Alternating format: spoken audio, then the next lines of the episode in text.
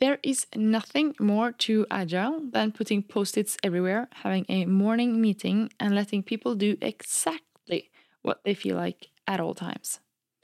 Det är ett citat som eh, jag hörde när jag var i Skottland, på Lina del Skottland här i, det var väl, ja, i Ett år år. Ett års, nej. Jo. Mm. Tiden går fort. Tiden går fort. Um, uansett, eh, og det er jo liksom Grunnen til at jeg tar det med, så at jeg at det er noe eh, Jeg tror de fleste kan liksom kjenne seg igjen i det sitatet, kanskje i alle fall i liksom kritikken til Smidig. Mm. Misforståelsen der, og det er liksom siste delen der trigger litt. Og så um, um, tok vi kontakt med uh, dere lyttere, uh, dere som er på, uh, på Buy Me Coffee, og hørte om det var noen som hadde noen spørsmål som vi skulle ta i episoden. Yep.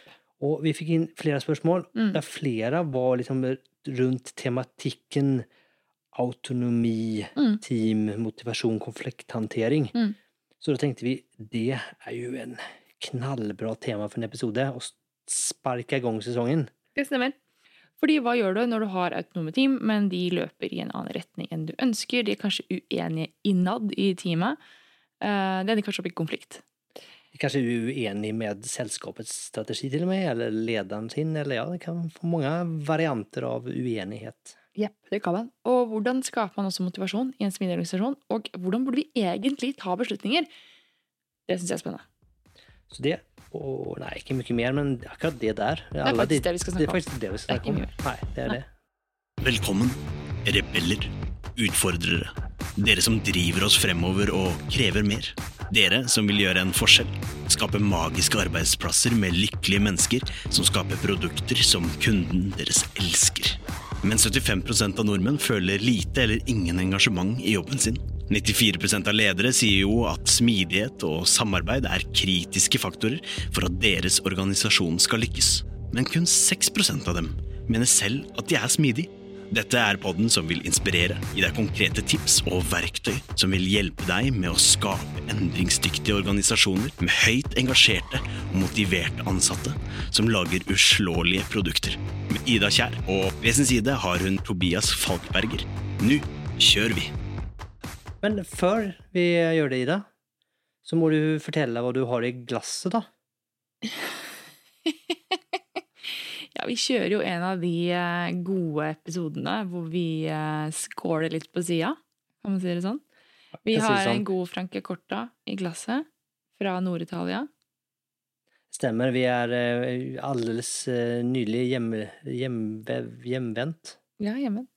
fra, fra Italia. Ja. Så vi liksom mimrer tilbake til eh, varmen. Ja, men Franke Rosé-versjon av Ja. Franke Corta. Veldig god, faktisk. For dere som ikke Ikke faktisk alle Franke Corta er veldig gode. For dere som ikke er kjent med Fragicorta, så er jo det lagd på samme måte som champagne, så det er jo en eh, veldig god drykk, ikke sant? Det er Italias svar på champagne. Mange tror at det er Prosecco, men det er det ikke. Det er det ikke. Nei, det er Men- Franke Corta, så det anbefaler jeg alle å prøve hvis de liker bobler.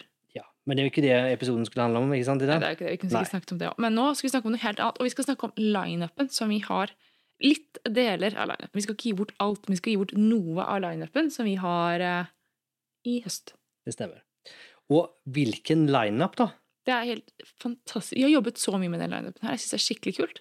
Det som er kanskje enda mer kult, er at liksom alle vi har kontakt, kontakt med, har eh, som vi har, eller det, det, det kanskje vi si først Uff, det var vanskelig. Vi hadde så mange gode ideer og navn, og vi hadde så, så mye vi ville skvise inn, men det er jo begrenset hvor mange episoder man får inn på en sesong.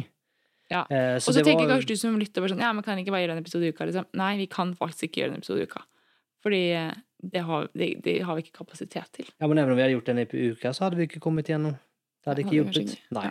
Men uansett, vi har skrevet dem eh, på lista, så de er ikke glemt. Det er ikke glemt. Så vi har en god backlog med, med så, så alle dere som har tatt kontakt med oss, og så kanskje dere ikke har fått svar, har ikke hørt noe, så, Ja. um, Unnskyld. så unnskyld for det, men, men dere er ikke glemt, og um, Ja. det, det kommer flere sesonger av Smidepodden. Ja. Oh, men, men, men, men. Det er viktig å si at dersom du lytter nå, og så tenker du at jeg har ikke sendt inn mitt tips, gjør det likevel. Selv om vi har mye. Gjør det likevel. gjør det Fordi det er kjempeviktig.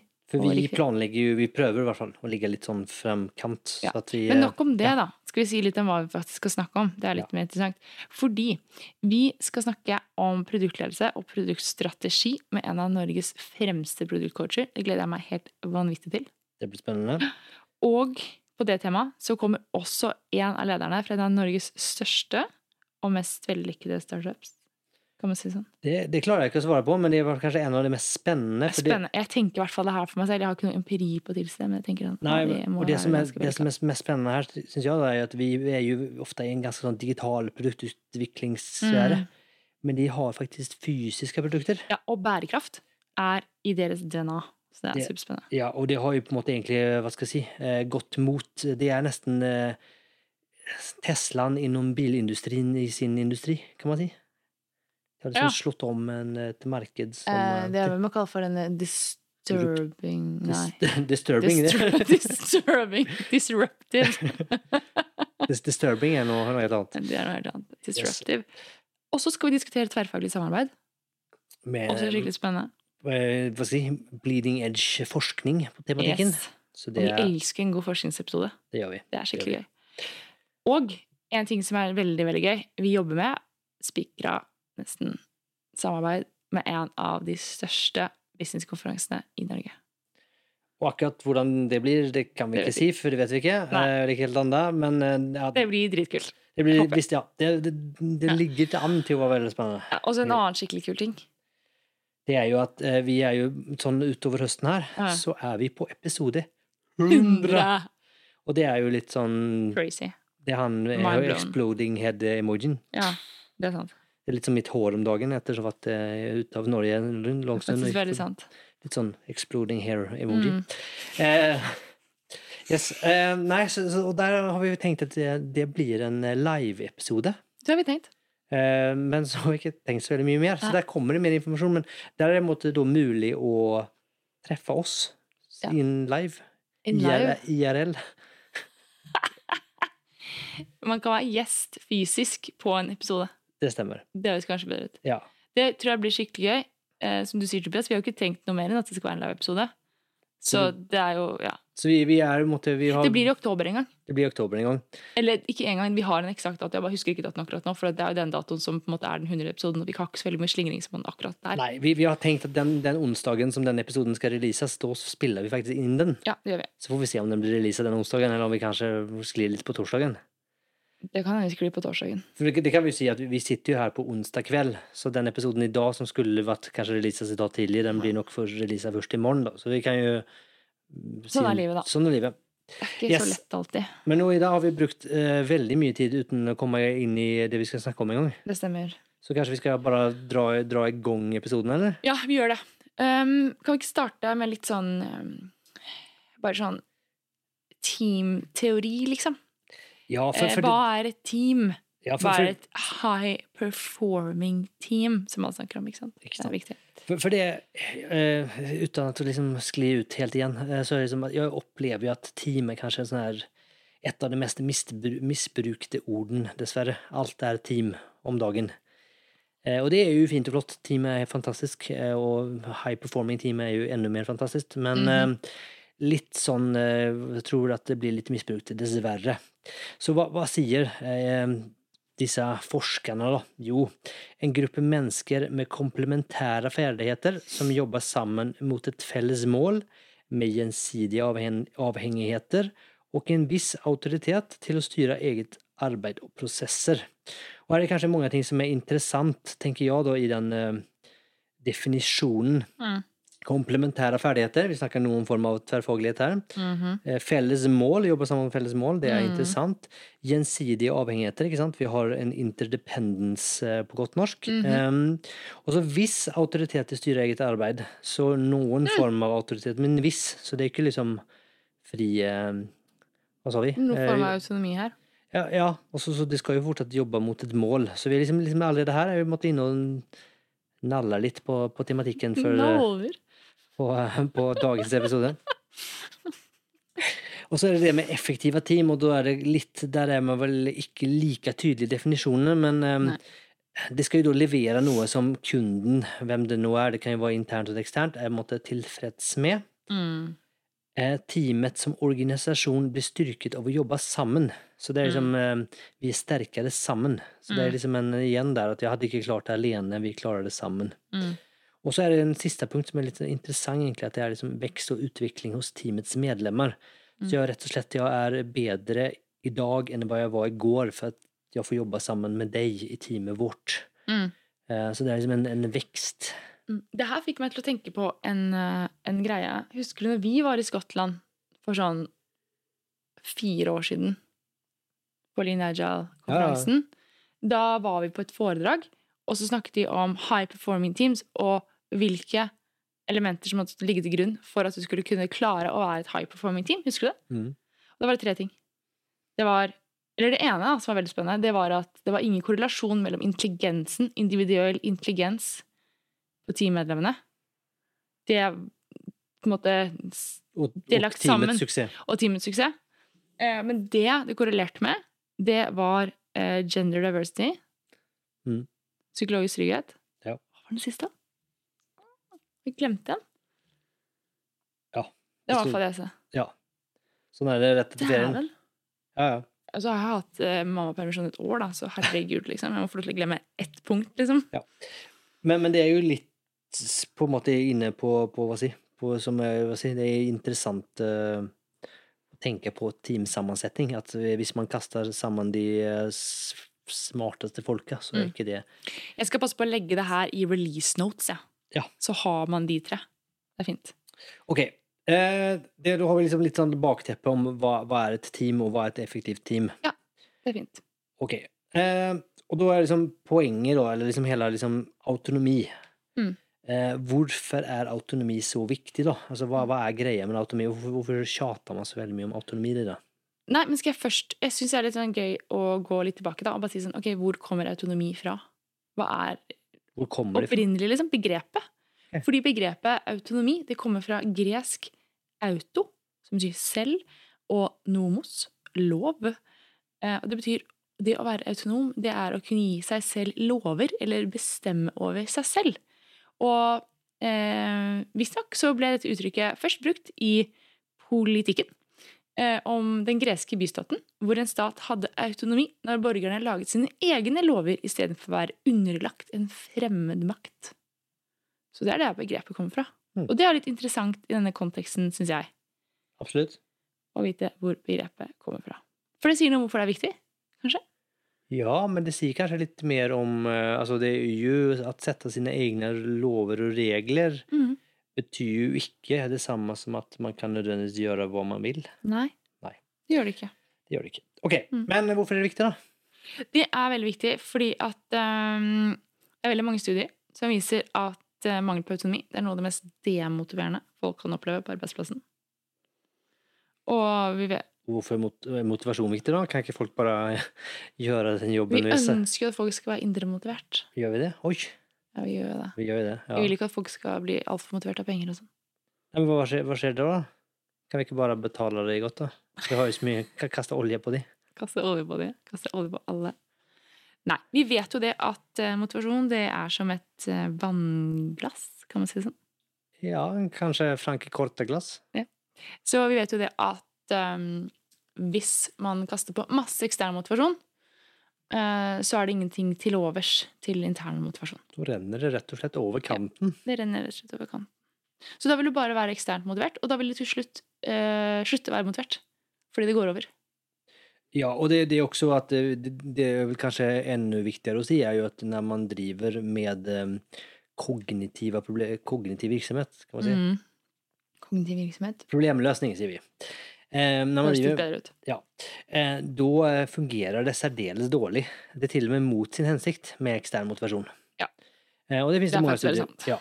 Og det er jo problemet, da, at du, du altså, Even om du mister den interne motivasjonen, som kan man si er et problem i Mm. seg selv, men problemet er at du, blir, du gjør det faktisk dårligere hvis Mm. du eh, blir ekstern motivert. Mm. Så hvis det kommer til, til problemløsning, eh, så, så er det uhensiktsmessig. Mm. I tillegg så er det jo nesten Nesten, jeg skal si det er umulig å lage noen form av eh, betingelse, bestraffelse Modell for å liksom Som på en måte kan stå seg over tid, eller liksom som bare belønner riktige ting og riktig atferd. Eh, For hvis du begynner å betale folk, så vil de alltid finne måter å komme unna, eller de vil begynne å konkurrere med hverandre, eller du vil skape, eller du har faktisk skapt selv veldig mye merkelig atferd og ting, eh, som Jeg tror at det er Eller jeg mener det er helt umulig å på en måte lage et system som liksom Even om det skulle Even om det skulle vært liksom helt egnet for å løse problemløsning, så tror jeg det er helt umulig å måtte skru sammen et sånt system som på en måte ikke får noen negative sideeffekter som du ikke har sett. da. Enig. Yes. Men det er viktig av andre grunner også. Det er det. Um, vi snakker jo mye om time to market. Um, så fart og flyt, og vi snakker om ulike ting. Og det er jo klart at så, desto færre du er, eh, desto mindre avhengigheter, desto færre personer du trenger å involvere eller diskutere eller forankre eller få en godkjenning fra eller Mm. beslutning fra, desto fortere går det. Mm. Så enkelt er det. Løper du alene, kanskje, ikke helt alene, men så, så, så er det jo så, si, byråkrati, rett og slett. Ta Løper fortere alene, er det du tenker? Ja, det spørs jo hvem du løper med, da. Ehm, ja, hunden så går det nok fortere med, eh, men ellers annars så er det vel, ja. Men det er en digresjon. Nei, men eh, så det er absolutt noe der, altså, og det, det er vel kanskje det som er liksom nøkken òg. Eller liksom har vært, liksom, en, vært en stor måte, driver for autonomi, er jo Mm. kunne på måte, være rett og slett Mm. smidig, da. Eh, agile i sin bevegelse. Ja. Men det er også en, en siste punkt her. Ja, jo, og det syns jeg var spennende, for det punktet kom du med når vi preppa episoden. Ja. Og det var reduksjon av kognitiv belastning. Ja. Og, og det jeg tenker på her, er jo liksom at hvis jeg vet at det her er mitt område, Mm. og så vet jeg at det her er ditt område, og det har du autonomi over, Mm. det betyr jo faktisk at jeg trenger ikke jeg tenke på det. Ne. Og det er jo faktisk veldig deilig. Mm. Um, for desto, någonstans har vi jo en begrensning på hvor mye vi klarer å holde i hodet samtidig, og hvor mye vi skal klare å huske på, og hvor mye vi skal kunne ting om. Mm. Så hvis man da deler ting opp, og det er liksom faktisk utenfor for mitt, team eller mitt område, så er det også en måte en, en Mm. fordel, da. Mm. Um, så det er jo kanskje i hvert fall noen av de driverne for, for autonomi, da. Og så har vi jo uh, det klassiske spørsmålet Men skal du få bestemme alt? Autonomi over hva? Ja, det, det, det kan man dele opp. Det kan man dele opp. Ja. Og, och, och det er kanskje før vi liksom hopper inn i det, så liksom en liksom, vet ikke, metarefleksjon, kanskje man kan kalle det, er jo kanskje liksom tilbake til den her eh, din, eh, skal ska jag kalla det, opplæring av oss i vad eh, autonomi kom fra. Og så har vi det citatet som vi åpnet opp i episoden om, så er det liksom, man kan jo liksom, i hvert fall liksom allerede her begynne å tenke litt at det det er nok rom for tolkning. Det har i hvert fall vært rom for tolkning. For autonomi over hva da? Mm. Og, og hvor langt liksom strekker seg den autonomien, og hva skal den strekke seg over? Og hva, eh, hvor mye autonomi trenger du for faktisk være eh, motivert? da? Mm. Eh, og det er jo mye av det vi skal diskutere i dag. Mm. Eh, men en måte å tenke på autonomi, Mm. Eh, Eller i hvert fall eh, som jeg si, en måte å dele det opp, da, er jo four T's of autonomy. da. Mm. Så du har task, team, time and teknikk. Mm. Den siste jeg føler jeg liksom er litt sånn skrudd inn for å få den fjerde T-en. Eh, men det, det handler egentlig om Nei, det syns jeg ikke den er. Men sier du det? Du sier kanskje ikke teknikk, men, ja, det, men allikevel, jeg syns det er veldig viktig. Jo, men at det, at, at, at, det skulle kanskje vært method eller sånt, eller process eller et eller annet. Nettopp. Men, Men det hadde blitt four T's and piece of autonomy. Det blir litt sånn mm, ja, men det, det er poenget mitt. Ja, Så derfor, ja, så derfor så mener jeg at den siste T-en er litt sånn, alltid litt vrien å huske på, for den, den gir ikke mening. Men hvis du skal huske, så bare husk at den siste T-en er litt rar. Og da husker du den. Så altså, eh, du har en eh, Hvis du bare sier tas, da. Hva er det? det, det er oppgave. Altså, du, Ja. har liksom, du kan velge oppgave selv. Mm. Du kan velge hvem du jobber sammen med. Mm. Du kan velge når du jobber. Mm. Og du kan jobbe, velge altså, hvordan, Hvordan du jobber. Hvordan du jobber. Eh, og så selvfølgelig så er jo Mm. det her da, altså, du kanskje har full autonomi i ene enden, og så har du kanskje ingen autonomi i andre enden. Så Mm. det er jo en skala, det er ikke, ikke binært det her på noe vis. Nei, for du har en veldig fin grid, Ja, en veldig fin grid. Og, så er det ålreit. og da er det, er det Hookman eller Hackman? Jeg tror det er Hackman. Du har skrevet Hookman her, men jeg tror det er Hackman. Mener det er Hackman. Skrevet Hookman.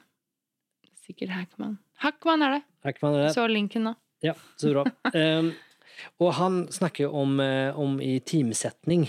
Mm. Så det her er jo en four by four, da, så liksom for å visualisere seg det, da. En Mhm. grid. Mm.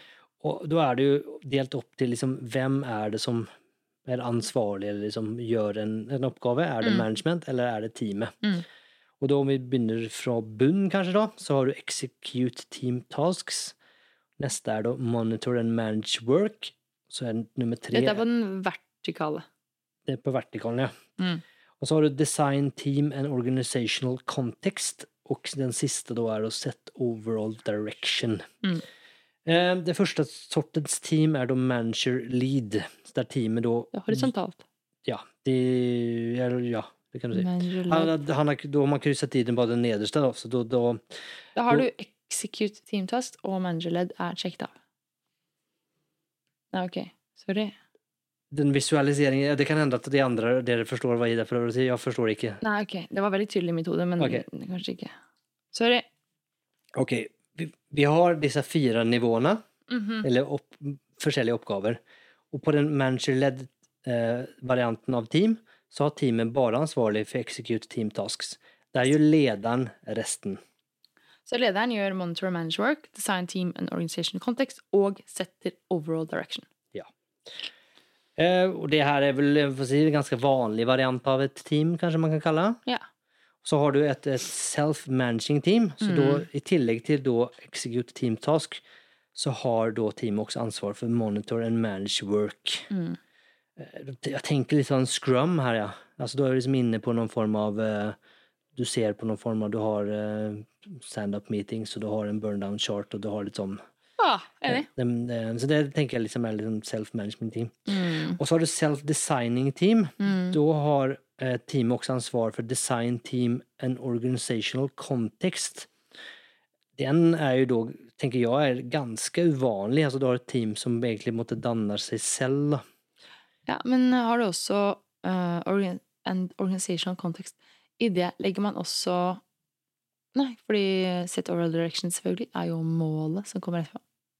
Hva legger man i organizational context? Eh, jeg tror jeg, husker ikke helt det her, det var en stund siden jeg eh, leste boken. Um, men det jeg vil minnes, er jo at det her har jo litt å gjøre med altså, hva ditt bidrag som team er inn i Ja, ikke organisasjonen. sant? Um, så du kunne altså, det her er kanskje, Ah. du er litt grann på, kanskje nesten Du begynner å gå over til noen form av nettverksorganisasjon mm. her, på noe vis, At du har liksom at vi kan jobbe sammen for å løse dette i det store målet til Mm. organisasjonen, på en måte. Litt på den key result. eh, Ja. Ja, ja. Mm. Eh, Men her skal du på en måte designe teamen også, Ja, ja. så den er jo um, Mm. Man snakker jo ofte om på en måte mer faste team og sånne Mm. ting, det er jo ikke der da. Ja. Eller altså, du kan jo altså, hvis, et team har ans, kan på en måte rekruttere og sånne ting selv, så kan du kanskje si at Mm. du liksom er inne på det. Og så har du den siste som er self-governing team. Der setter også teamet overall direction. Så overall direction, da. Um, Så da er man jo rett og slett liksom ansvarlig, ansvarlig for egentlig sin egen eksistens, da. Mm. Uh, Og han sier jo selv uh, i boken at altså, de, de, i hvert fall den siste og de to siste er ganske uvanlige å se, og det fins vel ikke noe, noe særlig empiri som tilsier at det er fungerer eller er måte effektivt. da. Ja, for det syns jeg er veldig viktig å si med denne griden her. Det er ikke sånn at uh, jo lenger til høyre og jo lenger opp du er, jo bedre er det, liksom.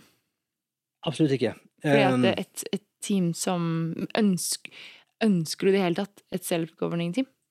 Og eh, opplevelsen min er at denne modellen kan, eller erfaringen min til og med, Mm. er at denne modellen kan være veldig fin å diskutere rundt, for at Mm. ofte um, så typisk at man i en organisasjon eh, ser eh, på det her forskjellig.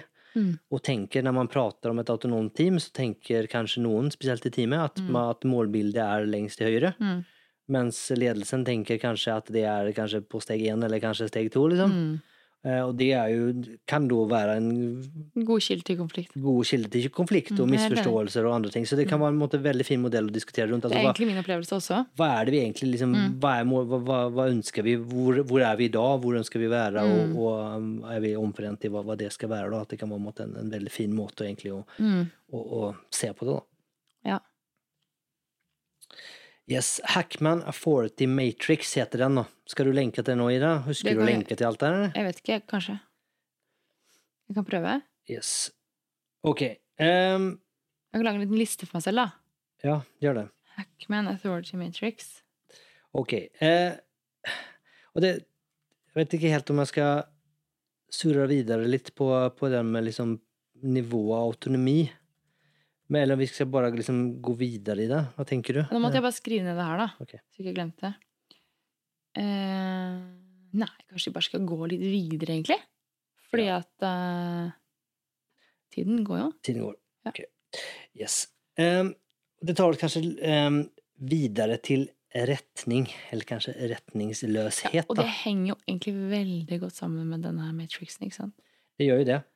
Uh, Mm. Og det er kanskje der som mycket av misforståelsen er. Mm. At autonomi kommer med på en bekostning av rättning. Mm, Fordi veldig mange tror jo at autonomi er det samme som Ikke det samme som, for det tror man ikke. Man tror at det er anarki. At det blir det i hvert fall. Det blir det.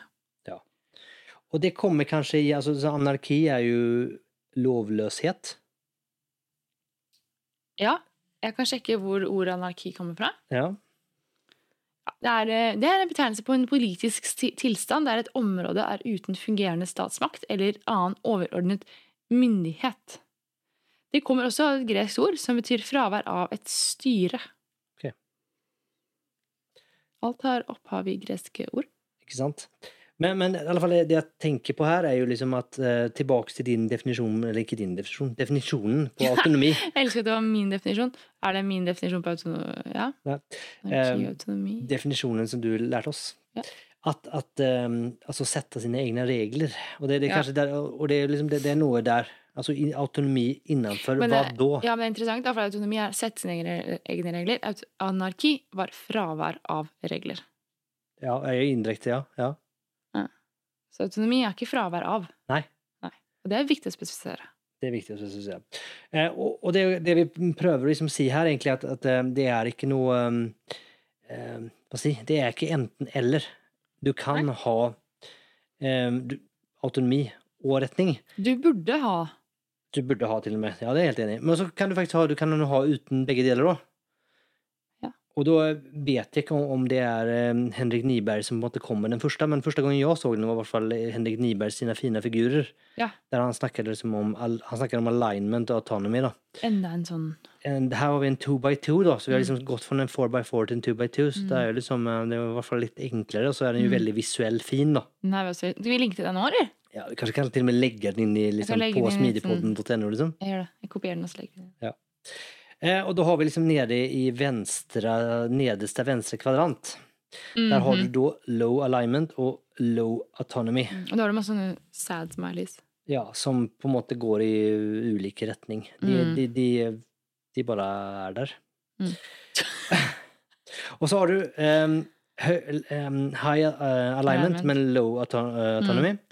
Da sier han eh, pointy airbossen, we need to cross the river, build a bridge. Og så begynner de å bygge broen. de bron. Mm. Så det er liksom veldig aleine, men de det har ingen autonomi i det hele Mm. tatt. Det er veldig tydelig mål, da. Veldig tydelig mål.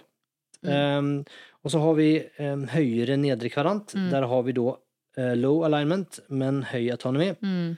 da sier säger han, hope, så tenker han til og med, Mm. hope someone is working on the river problem. Og alle er bare happy og bare går rundt der. Det her kan jo være typisk litt sånn startup eh, feeling kanskje. Mm. Det är At man kanskje ikke har så mye prosesser Mm. og systemer. Men bare sånn en liten side note her, da. Alle de her ser veldig happy ut. Men min erfaring er at de egentlig ikke er så veldig happy. Nei, den er i hvert fall kortvarig. Veldig kortvarig. Eh, og så er vi den siste, da, høyere toppkvadranten Da. Mm. Og da sier han, eh, pointier-bossen, we need to cross the river, figure out, figure out how. Mm. Ikke sant? Vi har alle problem. kjempebra. Vi, dere må sammen gå sammen og Mm. løse problemet. Men det er veldig tydelig på hvor det skal, ikke sant?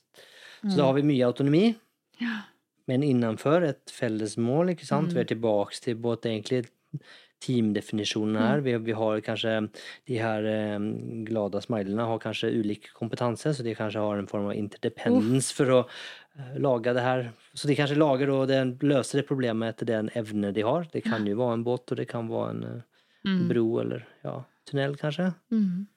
Norge blir sikkert en tunnel, eller en båt er man ganske glad i her òg. Sverre blir sikkert en bro. Sverige blir sikkert en bro. Øresundsbro, kanskje. Danmark har bro. Ja, samme det. Det er eh, Yes. Ok. Eh, skal vi, da må vi snakke, snakke litt videre på, på, på retning, da. Mm. For det er jo en eh, Det høres jo veldig enkelt ut. Men det er jo ikke det. Det er egentlig veldig vanskelig. Det er veldig vanskelig. Mm. For retning um, Jeg syns jo det er veldig mange ledere som Eller ja, hvordan skal man angripe den her, da? Uh, det er veldig mange ledere som syns det er litt skummelt å sette retning, og som kanskje ikke vet hvordan de skal sette retning.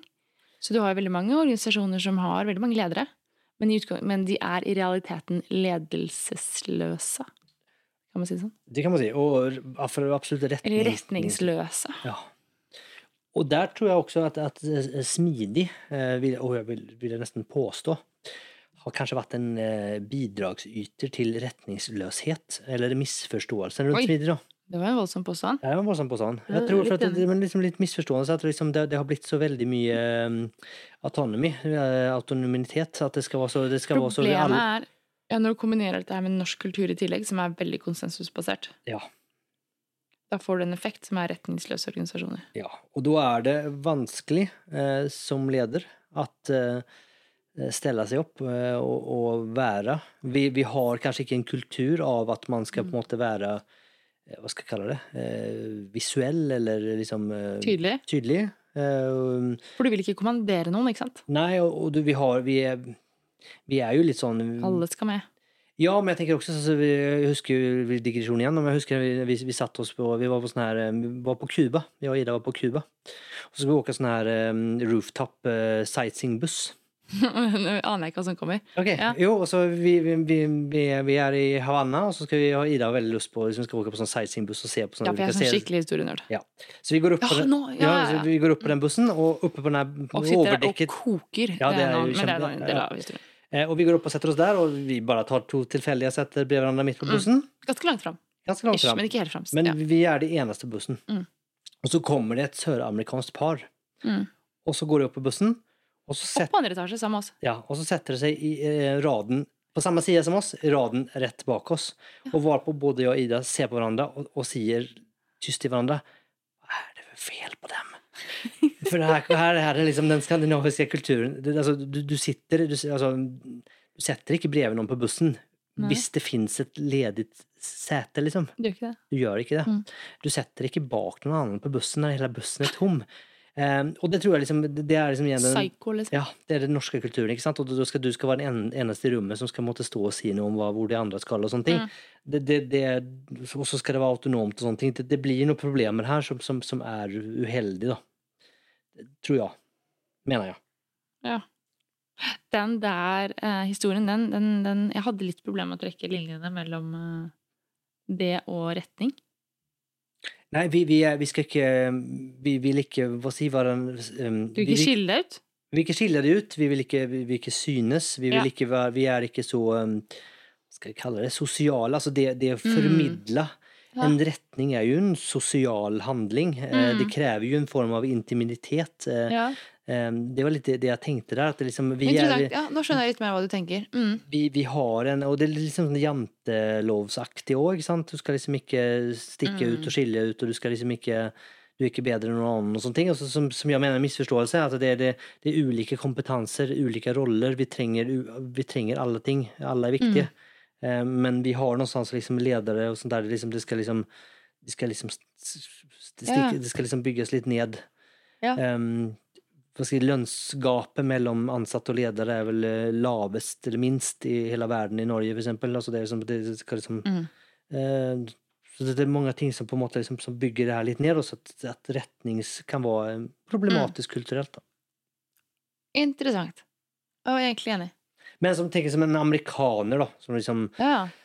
skravler og gaper og liksom holder låda og liksom forteller Mm. alle om hva de mener og hva de tenker, og de diskuterer liksom, og, Mm. liksom At du har en sånn kultur, da, så, så kanskje det er lettere til at liksom eh, Være være, litt være sånn. autoritær, kan man si det Nei, sånn. men ikke autoritær, kanskje. Jeg, Men tenker, autoritær er ikke en dårlig ting nødvendigvis. Jeg, jeg tenker på karismatisk litt mer, Ja, kanskje ok. litt mer um, Lead by inspiration. Ja, litt sånn. Eh, ja. Mm, liker det. Yes. Uh, ok, men uh, hvor var vi? Hvordan gjør man det her? Så snakker vi om. Ja, vi snakket om retning retningsløse organisasjoner. Så vi ehm, Jeg tenker jo at vi, vi må jo ha en felles retning i det. Og det, og det tenker jeg er viktig at den er lett. Eller ikke, ikke lett, men lett forståelig. Den skal være lett forståelig, og helst så burde en organisasjon ha noe som en type liksom Nordstjerne, et eller annet som samler deg.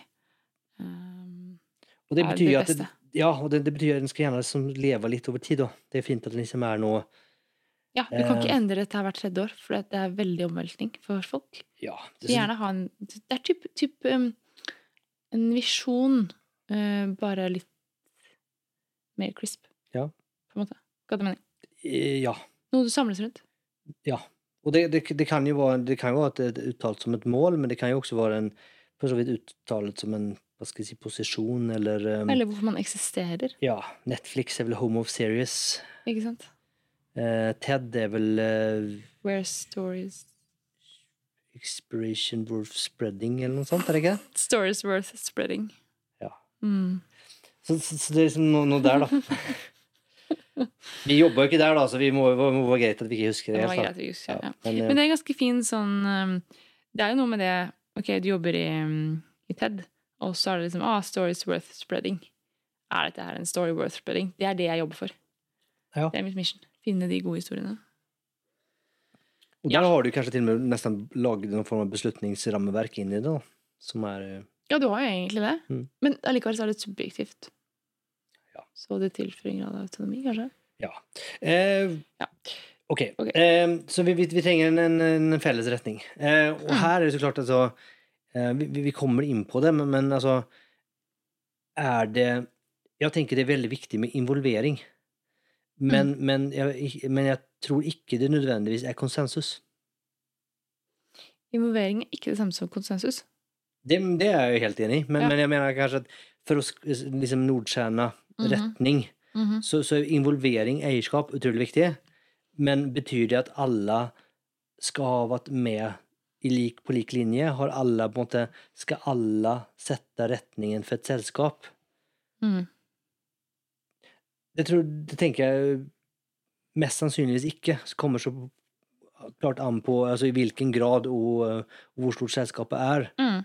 Men, men at altså, um, For det, det kan jo også være altså Mest sannsynligvis så har jo selskapet noen form av styre, noen form av eiere. Eh, en del ting ligger eh, Mm. på, så det er ikke nødvendigvis sikkert at, eh, at det liksom den overordna retningen og sånne ting er noe som på en måte Og det er kanskje ikke heller riktig at måte, hele selskapet måtte jobbe med det. Det, det kan være, kan være altså, det, det er lurt å investere tid i det eh, for å få det eierskapet og forståelsen der, men, men, men det er ikke nødvendigvis at det, de første altså, skal jobbes fram fra gressrota. Kan funke, eh, men igjen, det, det er også sånn kost-nytte-vurdering der, da. Ja, men også tror jeg at hvis du er en stor organisasjon, så er det helt urealistisk. Ja. Hvis du er en organisasjon på 10 000 mennesker, altså alle kan ikke være, jobb, være sammen og jobbe fram uh, din purpose, liksom. Da Er det også en ting? Norske selskaper er jo, foruten noen, er små. Så derfor så har vi en, en eh, kan, en At det kan også være en kulturell påvirkning der? Ja, små, men ikke så små, liksom.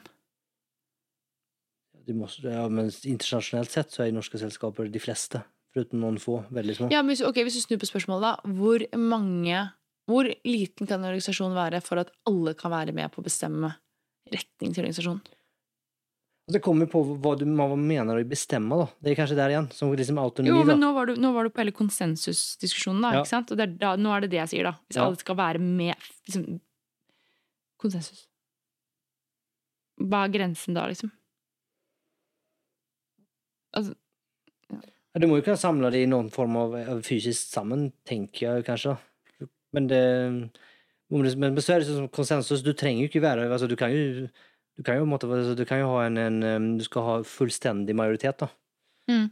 Så hvis ikke alle er enige, så må man jobbe videre. Mm. Det, det kan jo fungere. Altså, det, hvis, men så klart, hvis, hvis du er ikke enig med retningen til selskapet, så kanskje du jobber i feil selskap. Og det er kanskje det er kanskje måte, ja, så vi er kanskje Så egentlig vi, vi begge er enige om at konsensus ikke er det rette. Så i det du velger din arbeidsgiver aktivt hver dag du går på jobb, så gir du egentlig konsent til at du er enig i retningen til selskapet. Det syns jeg var en egentlig fin måte å si på det. For, for er du Og- ikke enig med selskapets retning, så bør burde du du, ikke da burde du finne en jobb. Slutt å klage, finn en jobb. Ja. Ferdig snakka. Da, når du går på jobb hver dag Det er det samme som når du våkner opp hver dag, så skal du velge partneren din, ikke sant? Det må du? Du vil aktivt være sammen med den personen du er sammen med. Ikke sant? Samme som går på jobb. Jeg vil aktivt være en del av dette selskapet. Ja. Da velger du å være en del av målet også til selskapet, og du gir ditt konsent til at dette er målet. Jeg liker det. Jeg er enig. Det handler om å ta ansvar for egen eksistens. Ja. ja. Jeg kjøper det. Så bra. Okay. Eh, vi har en felles eh, enighet, en felles retning. Mm. Holder det?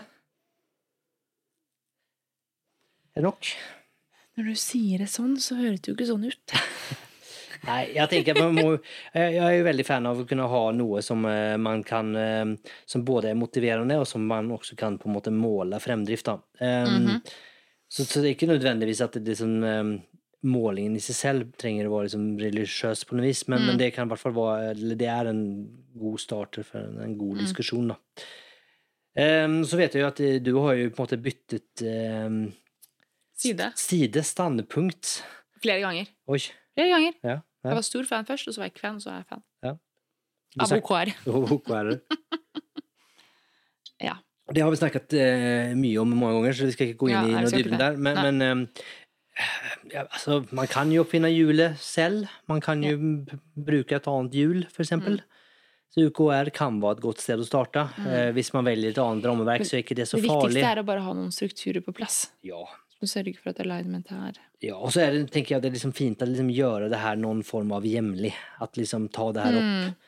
Hvordan er vi enige om at det her er riktig liksom, retning? Takter vi riktig? Burde vi gjøre noen justeringer? Burde vi omprioritere på noe vis? Mm. Ta noen form av cadence på det her. Mm. Eh, Og ikke minst for å minne folk på, på hvor vi er på vei. da. Ja, fordi det du ønsker å gjøre med å ha disse strukturene her, for å skape alignment, er jo for å sørge for at det er lettere for folk å ta riktige beslutninger. Ja. Til enhver tid. Ja, og da er det jo autonomi innenfor Yes. Yes. Eh, og så har vi våre gamle gode venner KPI-ene, som eh, Mm. kanskje på en måte har fått eh, Nye si- bein å stå på.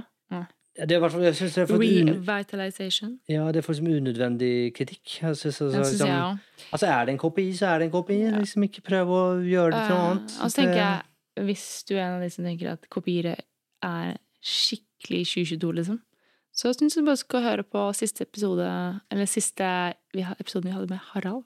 Sikkert i 2022. Sikkert. Den er veldig bra. Det var kanskje i 2023. da. Nei, ja. Det er ikke så farlig. Nei. Jeg kan linke til den òg, jeg. Ja, gjør det. Ok. Ehm, og så er det jo um, Når vi liksom er litt sånn på, uh, på både selskap og team, så kan det være tenker jeg det er fint å kan svare på Why are we doing this? Altså hvorfor eksisterer vi? Tenker jeg kan være en, en fin øvelse, egentlig. Altså, hva, hva, og det blir sånn tilbake til purpose, ikke sant? Hva er det, liksom, hva er det vi, hvorfor gjør vi det her? Hva skal vi få til, da? Mm. Eh, og så er det jo siste her, liksom på, på, på en måte strukturer på alignment, så er jo ehm, Det er vel en av dine favoritter, er ikke det? Ja, jeg er jo veldig tilhenger av det. Eh, fordi det bunner ut i forskning, som vi har lært. Handler- ut av forskning, eller kommer fra forskning? Begynner ut Den begynner Forskning sier i hvert fall at det er veldig viktig. Ja, Uh, og det er en team charter, en teamavtale, som sier noe om hvilke forventninger man har til teamet, og hvordan man skal jobbe sammen. Som er en kjempefin måte å unngå konflikt på. Uh, og hvis, man får opp, hvis det kommer konflikter, så skal den også si noe om hvordan man håndterer konflikter. Er det kanskje disse autonome reglene som eh, Eller de Kanskje. reglene som de grekerne snakka om? Kanskje. Dine egne lover og regler. Ja, Men du har kanskje også noen lover og regler i selskapet også, ikke sant? absolutt. Men du har kanskje noen egne lover og regler òg. Mm. Sånn, hvordan er det vi skal være med hverandre i dette teamet? Som er veldig, veldig viktig. Her har vi også en episode om det, som spesifiserer litt mer opp akkurat hva det er eh, man skal ha en sånn her avtale. Det var Therese-episoden. Ikke sant. Så det er jo, ja. Så det er jo en eh, veldig, Mm, veldig ja. Men eh, fra håper spøk til alvor, så er det faktisk veldig mye forskning som viser at en eh, god teamkontrakt, da, eller en team charter, ehm, det er mye viktigere å ha enn f.eks. teambuilding. Man får mye bedre resultater, man blir et mye mer high performing team uh, gjennom å ha en team charter, teamkontrakt, istedenfor å drive med teambuilding. Ikke sant? Og der kommer vi tilbake igjen, ikke Mm. sant? Retning. Autonomi innenfor hva? Hvordan håndterer vi disse tingene før det oppstår? Men Ok. eh, hvordan skaper man autonomi, autonomi da? Det er ikke sånn at du bare våkner opp en dag og så bare ah, 'Nå klarer jeg å ta egne beslutninger og stå i de'. Nei, og, og det er jo kanskje eh, et veldig viktig poeng. For det er jo kanskje det som jeg opplever ganske ofte, egentlig. At man Mhm. går inn i en organisasjon, og så har man bestemt seg at måte, teamen skal være autonome. Eh, mellomlederne vet ikke hva de skal gjøre, så de gjør kanskje ingenting. Eh, toppledelsen er frustrert for at ingen tar noen beslutninger, Mm. og så står vi der. Ja. Eh, og så har man kanskje ikke liksom helt tatt inn over seg at det å ta beslutninger er både en Innmari vanskelig. Himmelig vanskelig, det er en kunst, eh, det er noe man må øve på, det er skummelt, det er ubehagelig. Mm. Vi har kanskje, de har kanskje ikke hverken kompetansen eller dataene, innsikten, de kanskje ikke får den støtten. Og så må du også huske på at hvis du er på en endringsreise i en organisasjon, som de aller fleste er når de begynner å diskutere disse temaene, så går du kanskje fra en command and control-organisasjon, eller i hvert fall en organisasjon som har um, liksom fasetter, kan man si sånn, eh, elementer fra command and control, eh, og det da plutselig å skulle forvente at folk skal eh, tørre å ta egne beslutninger, det er ekstremt urettferdig. Fordi det sitter i ryggmargen deres at hvis de tar feil, så blir de straffa. På en eller annen måte. Og det trenger ikke å være en straff som i en uttalt straff. Det kan være i liksom silent treatment, det kan være mange andre måter å straffe noen på. Og det trenger ikke være lederen som gjør det, det kan være teamet som gjør det. det kan være, ja. Og Det er viktig å ta inn over ja, da det jo altså, det, altså Du må jo ha si, du, du må ha psykologisk trygghet på plass. Mm. Og du må i hvert fall være på en måte bevisst over det. Men Dette her er veldig interessant, da, for vi vet jo at psykologisk trygghet ikke kan eksistere på organisasjonsnivå. Mm. Det eksisterer kun på teamnivå. Så hvis du ønsker å skape en autonom en organisasjon som baserer seg på autonomi, hvordan skal du da gjøre det? Da må du starte med hvert enkelt team, da. Ja, mm. det tenker jeg du absolutt må, må gjøre. Og, Mm. og, og bygge, bygge derfra. Og der er det kanskje liksom at være litt sånn bevisst over Kanskje, altså kanskje Hackman sin modell, eller hvilken modell du nå enn bruker. da. Mm. At være liksom bevisst på, på hvor er vi i trappa. Mm. Og kanskje liksom at du før du måtte ha jobbet aktivt for å få det teamet til å faktisk tørre å utfordre hverandre, og tørre å teste ting, tørre å feile. Mm.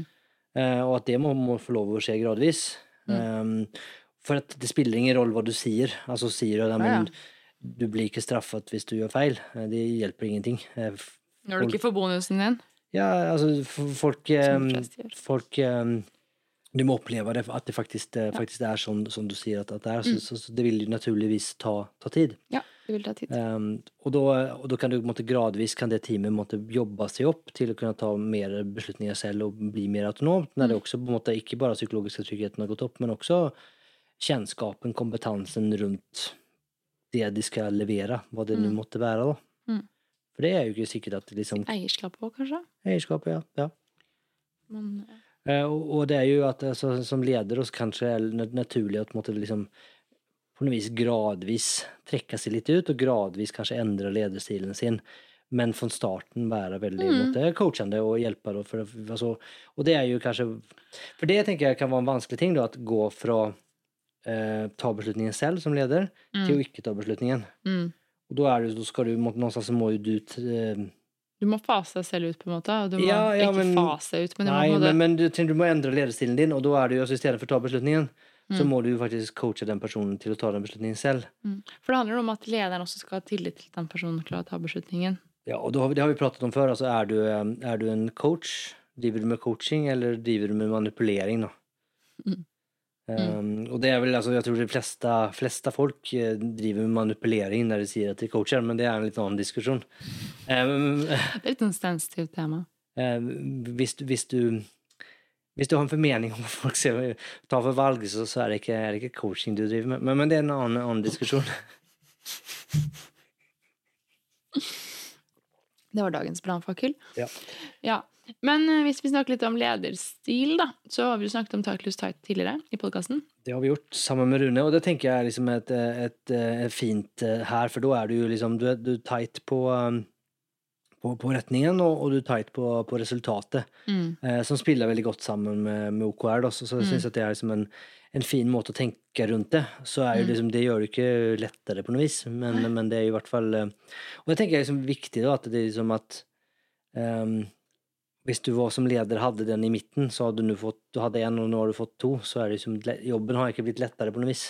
Nei. Om noe har den blitt måtte, vanskeligere. Ehm, så, så, så absolutt. Mm. Det tenker jeg tar oss til beslutninger. Og Jeff Bezos, altså CEO-en i Amazon, han Jeg vet ikke om det er han som har kommet på det, men han snakker i hvert fall om det. og jeg synes det er veldig, veldig fin. Han snakker om typ 1-beslutninger og typ 2-beslutninger. Mm. Um, og det, for, mm, det, for det, det han skiller på der, er en typ 1-beslutning. Han sier one way door, altså beslutninger som du ikke kan ombestemme deg om, du kan ikke revisere de. Du liksom, er en beslutning tatt, så er det måte sånn det blir. Eh, og det er jo, for å være helt ærlig, så er det ganske få av de, tenker jeg. Og, men mange, de fleste beslutninger er i type to-beslutninger. Så at du kan liksom, hvis det viser seg å være feil, så kan du alltid ombestemme deg. Altså hvis du tar noe trivialt, og du har et, et, et møte på mandager, og så beslutter du for at ikke ha det møtet. Eh, det er ikke verre enn at det, ok, det var en feil beslutning, da tar vi det møtet på nytt igjen på mandag. da. Mm. Um, og det mange beslutninger er av den typen. Og det han sier, er at du bør være bevisst på det og at de type 1 bør du bruke en del tid på, mens de type 2 bør du egentlig bli så rask som mulig på å bare ta de. Uh, for det er bedre å bare prøve nå og så får du liksom i så fall uh, ombestemme deg eller reversere hvis det måtte vise seg ikke være riktig. da. Nettopp. Da kan det kanskje være lurt å um, bestemme, liksom definere hvilken type beslutning er det her, da. Før vi bruker masse tid på det, eller ikke noe tid på det. Det, det jeg opplever noe, eller Min opplevelse er at man ikke er bevisst rundt det. At man bare Enig. man behandler en beslutning, eller alle beslutninger kanskje likt. da. Ja. Eh, og det tar oss kanskje liksom videre litt liksom, hvordan liksom, hvem, hvem skal ta den beslutningen, og hvordan kommer man til en, til en beslutning. da. Mm. Eh, og der er det jo historisk sett så, så tenker jeg at det var på en måte egentlig enklere, for da var det veldig tydelig hvem som tar beslutningen. Mm. Eh, Du hadde en hierarkisk organisation, så det var en, en ledare, om det var en avdelingsleder eller en toppledare eller hvem det var. Det var kanskje ganske tydelig. Kanskje til og med hadde noen form av matriser som sa liksom, noe om på en måte, beløpsgrenser og andre typer ting. Omfang på Mm. ting. Så liksom er det på det nivået, så er det den personen som skal ta den beslutningen. Det er egentlig veldig enkelt og ryddig, og så har du på en, måte, en, en mer dynamisk organisasjon som for det første kanskje må ha, ta beslutninger hyppigere, eh, flere beslutninger. Eh, og kanskje utydeligere hvem som tar de beslutningene. Som har liksom Mm. gått fra egentlig på en måte enklere. Og det skal jo sies, og vi var vel kanskje innom det òg, at liksom det å ta beslutninger er jo en, en kunst og noe man må øve på. Mm. Og det er klart at hvis det er få personer som tar mange beslutninger, så blir de helt klart bedre på å ta beslutninger, for det er på en måte det de gjør. Mens noen skal liksom alle ta beslutninger, så er jo det, det er vanskeligere. Ja. Eh, En annen måte å ta beslutninger på, som er dessverre veldig vanlig, eh, som jeg vet om man er helt klar over, det er å ignorere beslutningen. At man liksom man enten utsetter eller bare later som at den ikke er der. Mm.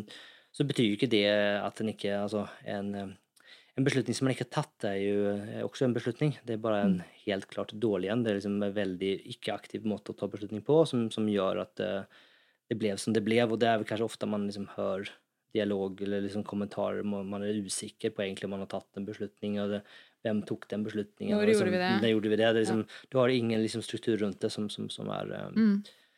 eh, som er der, da.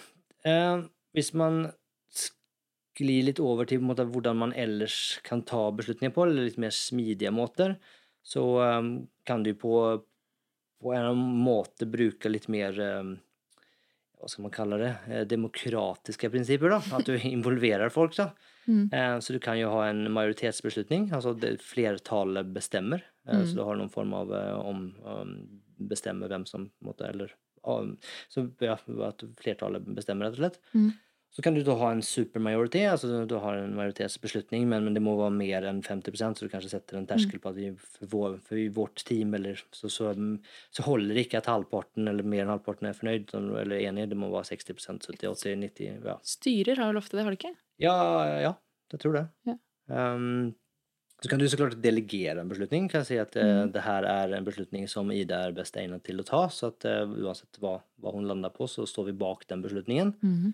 Ehm, du kan bruke multivoting, altså dot-voting. da. Eh, Så skal Mm. vi trenger ikke gå i dybden på dot-voting, men det har jo definitivt sine, Styrker og svakheter. Men, men da har du jo egentlig en, en eh, ikke hva den type stemning heter, men altså du har jo flere alternativer som du på en måte stemmer parallelt, på en måte.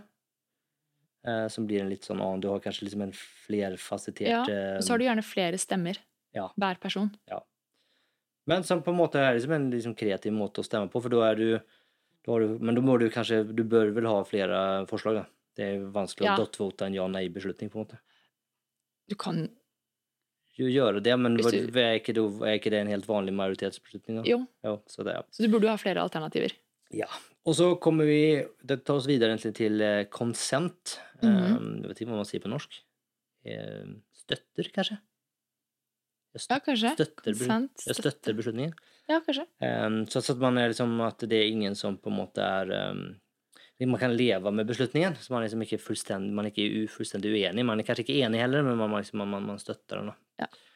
Og så har vi det konsensus, som er kanskje det som er mest dessverre skal jeg si, utbredt, da. For det er jo en, en måte Fin tanke, men Mm. veldig ineffektiv. Og det er til- tilbake til, til liksom det med kunne ta raske beslutninger. At, at hvis alle alltid skal være enig i alle beslutninger, Mm. så vil du bruke vanvittig mye tid på å diskutere og bli enig og om og Du kanskje, kanskje ender opp med en bedre beslutning, men spørs om det er verdt det at brukt så mye tid og energi og krefter og fokus og så mange mennesker for å komme dit, og at det kanskje faktisk var bedre å måte begynne å ta beslutninger og, og begynne å teste, begynne å lære og faktisk få, få fremdrift der, da. Jeg tror det er veldig mange som eh, blander konsent og konsensus. At de kanskje egentlig vil ha en konsentbeslutningstakning, beslutningsstruktur, Ja, ja, men de havner på en konsensus. Fordi at det er lett å på en måte dras den veien, og man har ikke lyst til å tråkke noen på tærne. For det er liksom norsk kultur, ikke sant? Alle Ja. skal med. Og da går man litt over i konsensus. Selv om man kanskje egentlig ikke vil det, og man kanskje vet at ikke det er best, så gjør man det likevel. Ja, jeg tror du har veldig rett i det. At det var, vi, tenderer til å, å bli veldig konsensusdrevet. Mm. Og at da blir det igjen liksom, tilbake til vi diskuterte det med, liksom, med retning. At det, det blir liksom Det blir tungt, og det blir treigt, og det blir liksom mm. og, og det er jo veldig ineffektivt. og Det er jo viktig med måte, eierskap og forankring, og at man har vært med, men i, liksom, i hvilken grad, og, og hva Mm. Hvor mye kognitiv altså Hvor mye skal du liksom, som enkeltperson skal du på en måte både kunne rent faglig eh, skal du måtte ha fokus på. altså någonstans så blir du, Hvis du sprer altfor tynt, så blir det jo ingenting av ingenting. Og det, Mm. det er jo ikke riktig, det heller, da. Enig.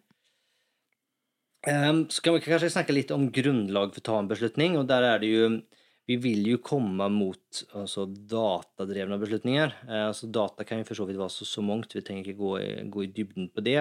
Så spørs det liksom hvor mye altså, Du kan jo gå så langt så at du på en måte Du gjør ikke noe annet enn samle data, så du liksom får ikke gjort noe, du får ikke liksom, tatt noen beslutninger. Så det er liksom litt sånn farlig òg, men, men du bør jo i hvert fall liksom ha noen form av indikasjoner som på en måte peker i riktig retning. Da. Eh, hvis det er noen som lytter som er litt usikker på hva en datadrevet beslutning er, kan man kalle det en faktadrevet beslutning?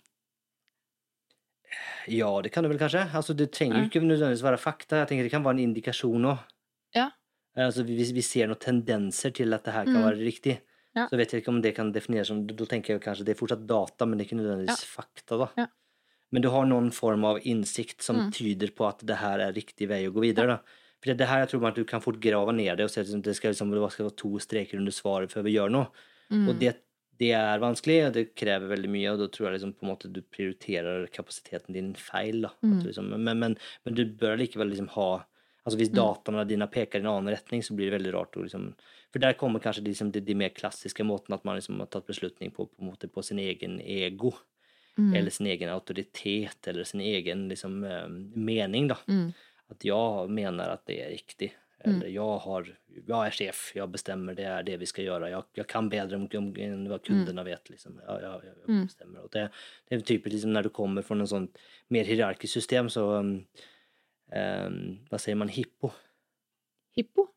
High, highest Ja. paid Nei, jeg husker ikke hva det står for. Men um, uh, uansett. Ja, Men uh, på egodrevet beslutning, tenker du da også at ehm, eh, dette med liksom saving face ligger innunder det?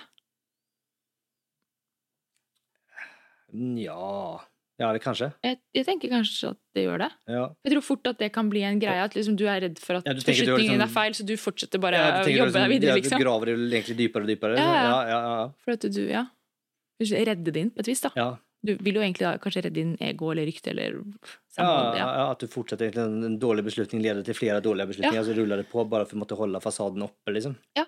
Ja, ja, ja det er definitivt. Mm. Og det er klart at data på en måte synliggjør jo en del ting som kanskje sånn sett kan være litt Nettopp. ubehagelig, da. Ja. Mm. Eh, vi er vel litt der vi kanskje skal begynne å liksom runde litt av, da. Tror vi må det. Ehm, men, men som, som liksom av, avslutter den beslutningstingen, så, så tenker jeg det er liksom viktig å altså, diskutere beslutninger litt grann på metanivå. Mm. Altså vi som team eller vi som organisasjon, hvordan tar vi beslutninger? Eh, tar vi alltid alle beslutninger på lik måte, eller skiller vi på beslutninger? Det tenker jeg kanskje er egentlig veldig lurt å skille på beslutninger. Og kanskje være bevisst ok, hva er det her for type beslutning. Ok, det her er en, liksom, en viktig beslutning. Det er liksom retningsgivende, det formende. Vi kan ikke gå tilbake. Ok, men da er det kanskje Vi, vi bør kanskje måtte ha en bred enighet på en eller annen måte. Mm. Mens det her er noe som vi måtte liksom, må ha fremdrift på. Da kanskje det er liksom, ja, men det er bestemann som, eller kvinne som, som kan ta den beslutningen alene. Eller vi delegerer, eller vi måtte løse det på andre måter. Det, det er opp til teamet, eller liksom sånt. Mm. Men at vi liksom faktisk har noe å skille på det da. Og da kan det også være, som hvis man tenker tekniske ting, så kan det jo være at man måtte ha enkle beslutninger. Det her har vi gjort før, ok, men det er bare implementere, kjøre på. Mm. Men så er det mer kompleks, ok, men da har vi kanskje noe fora med mer seniora personer som samles og diskuterer disse problemstillingene eller strategiske ting. At det er liksom, ja, man, man skiller på hva er det her for type, og, type beslutning, og Mm. er, hvem i organisasjonen er best egnet for å ta en sånn beslutning. Mm. Um, det tenker jeg er, er viktig. Mm. Eh, skal vi prøve å oppsummere hele episoden litt, Ida, eller? Oi. Tror du vi klarer det? Ja, vi kan prøve, da. Um, hvis vi begynner med, med sitater, da. Mm. At smidig handler om at folk får gjøre akkurat det de vil til enhver tid, da. Ja, eh, det, det har vel kommet fram til at det ikke helt stemmer. Har vi ikke det? Det tenker jeg vi har. Ja, Det visste vi jo egentlig fra før av, gjorde vi ikke Tobias? Jeg tenker at vi gjorde det. Ja. um, og jeg, jeg skulle si at, altså, at den, både beslutninger og retning er på en måte nesten viktigere enn autonomi.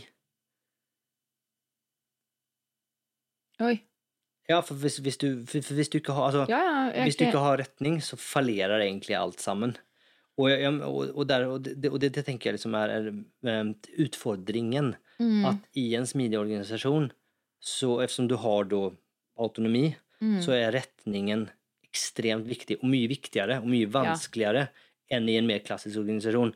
For der så styrer du i mye mindre steg, mm, eh, og du er mye mer tett på som leder. Eh, Mm. Så du kan måtte trimme inn ting veldig mindre, og det, det er på en måte du har på en måte ignorert mye av kompleksiteten som, som finnes i både, en både, både samfunnet og der du opererer. Så sånn sett så er du liksom skjerma litt fra det òg. Uh, mens nå når liksom folk skal på en måte, på en måte være kreative, de skal løse problemer, så blir måte retning veldig mye viktigere. Uh, Mm. og, og jeg tror at hvis du gir folk autonomi, så er det veldig vanskelig å ta den autonomien tilbake. mm, Og derfor så tenker jeg du må gi retning først, og så kan du fylle på med autonomi. Mm. Så, retningen må måtte gå først, og så kan liksom Og, og når teamet, eh, dine ansatte, blir mer og mer vana, de, de skjønner retningen, de vet hva de skal, de blir vant til å ta beslutninger, så kan de få mer og mer autonomi. For å gi full, og for det er også liksom å gi full autonomi. De har ingen retning, de har ingen, ingen evne for å ta beslutninger selv. De jo ingen strukturer rundt det. Da blir det liksom, da er vi ikke på autonomi lenger. Da blir det noe helt annet. Det blir kaos, det blir anarki, og det er ikke det du vil. Og så prøver du mest sannsynligvis trekke tilbake autonomien, for du ser at det ikke funker. Og da får du egentlig en organisasjon som setter seg på bakbena og er egentlig ganske forbanna, for de koste seg kanskje med den autonomien de hadde Mm. fått, og så er du helt ute å kjøre, da. Ja, jeg er helt enig. Og ja, så konklusjonen der er vel at autonomi burde ikke eksistere uten en retning, og at det er viktig å sette den retningen først, og så åpne opp for autonomi. En annen ting jeg kommer til å tenke på er at Vi snakket litt om typ, cognitive load, gjorde vi ikke det? Mm. Um, og jeg tror all, de aller fleste mennesker, eh, når de får eh, såpass mye frihet som de gjør eh, når de er i en autonom eh, organisasjon og opplever autonomi, så tror jeg de aller fleste syns det er veldig deilig å ha en veldig tydelig retning. Fordi da slipper de å tenke på det. Mm. Og da er det veldig enkelt for dem å ta riktige beslutninger, for de er veldig klar over hva retningen er. Og, og det, Så jeg tror det er veldig positivt for mennesket også ja, å ha den type retninger. Ja, og igjen, det kommer jo tilbake altså, til, til, til motivasjonsteori. ikke sant? Altså, autonomi er jo bare ett av tre ben. Mm. Du må ha mestring, og du må ha mening, da, Mm. på, på godt norsk. Uh, purpose. Purpose. Uh, og, og det er liksom, altså, hvis du ikke har de to andre, så, så hjelper liksom ikke autonomien i seg Mm. selv er ikke måte, nok. da. Nei. Eh, og jeg tror, det tror jeg er liksom et veldig viktig poeng som du egentlig sier her, er jo at altså, det, eh, folk ønsker retning. Mm. Eh, og at liksom at um, noen ganger så kan jeg oppleve at altså, man tror eller tenker at måtte, liksom, full autonomi og liksom, retningsløshet er liksom fantastisk. Kan gjøre akkurat hva jeg vil. Ja, det er ikke det. Nei. Eh, och det tror jeg ingen egentlig vil ha. Eh, Mm. Og det kan, du kan få liksom en, Jeg tror det er liksom den frihetsfølelsen som det gir. Det kan gi et rus som er på en måte positiv, men det av, Det avtar. avtar veldig fort. Og så Ja. er du liksom Ok, hvorfor står jeg opp om morgenen? Hva er det jeg egentlig prøver å få Mm. til? Har jeg noe positivt bidrag? Er jeg, liksom, er jeg viktig? Mm. Det er veldig vanskelig å måtte se i en retningsløs organisasjon. Ja, så tror jeg du skaper ekstremt mye frustrasjon da, fordi plutselig har du andre team, andre kollegaer som jobber for helt andre ting som du jobber for. Kanskje til og med jobber egentlig mot det du mener er viktig. Ja. Og det skaper jo bare masse frustrasjon og konflikt. Ja, og og gnisninger da, i Ja, og organisasjonen. da er det jo, så I Purpose ligger det jo også at du er en, måte, en del av noe større. ikke Ja. sant? Og du har liksom en positiv innvirkning sammen Mm. med andre, og det, det vil du da ikke ha. Nei. Så Merida, Ja. er Så- det, Runder vi av? da har vi rundet av, kanskje? Da har vi rundet av. Takk for at du hørte på episoden. Så vil vi jo kanskje sånn avslutningsvis så må vi jo um, Er, det, er vi på, liksom, i, um, i, på gang Vi er i gang med en ny sesong. Og med en ny sesong så har vi ikke nye partnere. Vi har de våre Samme samme gode gode, gode partnere. Partnerne våre.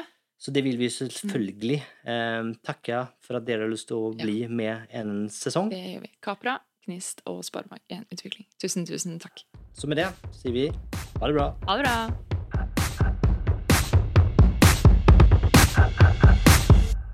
Jeg vil bare minne deg om Smidigpodden-fellesskapet. Kanskje har du lyst på eksklusiv tilgang til foredrag, kurs og masse, masse mer. Eller kanskje du bare liker denne episoden spesielt godt. Eller kanskje du bare syns Smidigpodden er som lommen i egget eller rosin i pølsa om du vil, og vil vise at du setter pris på oss. Da må du gå inn på smidigpodden.no skråstrek en kaffe for å bli en del av Smidigpodden-fellesskapet. Håper å se deg der.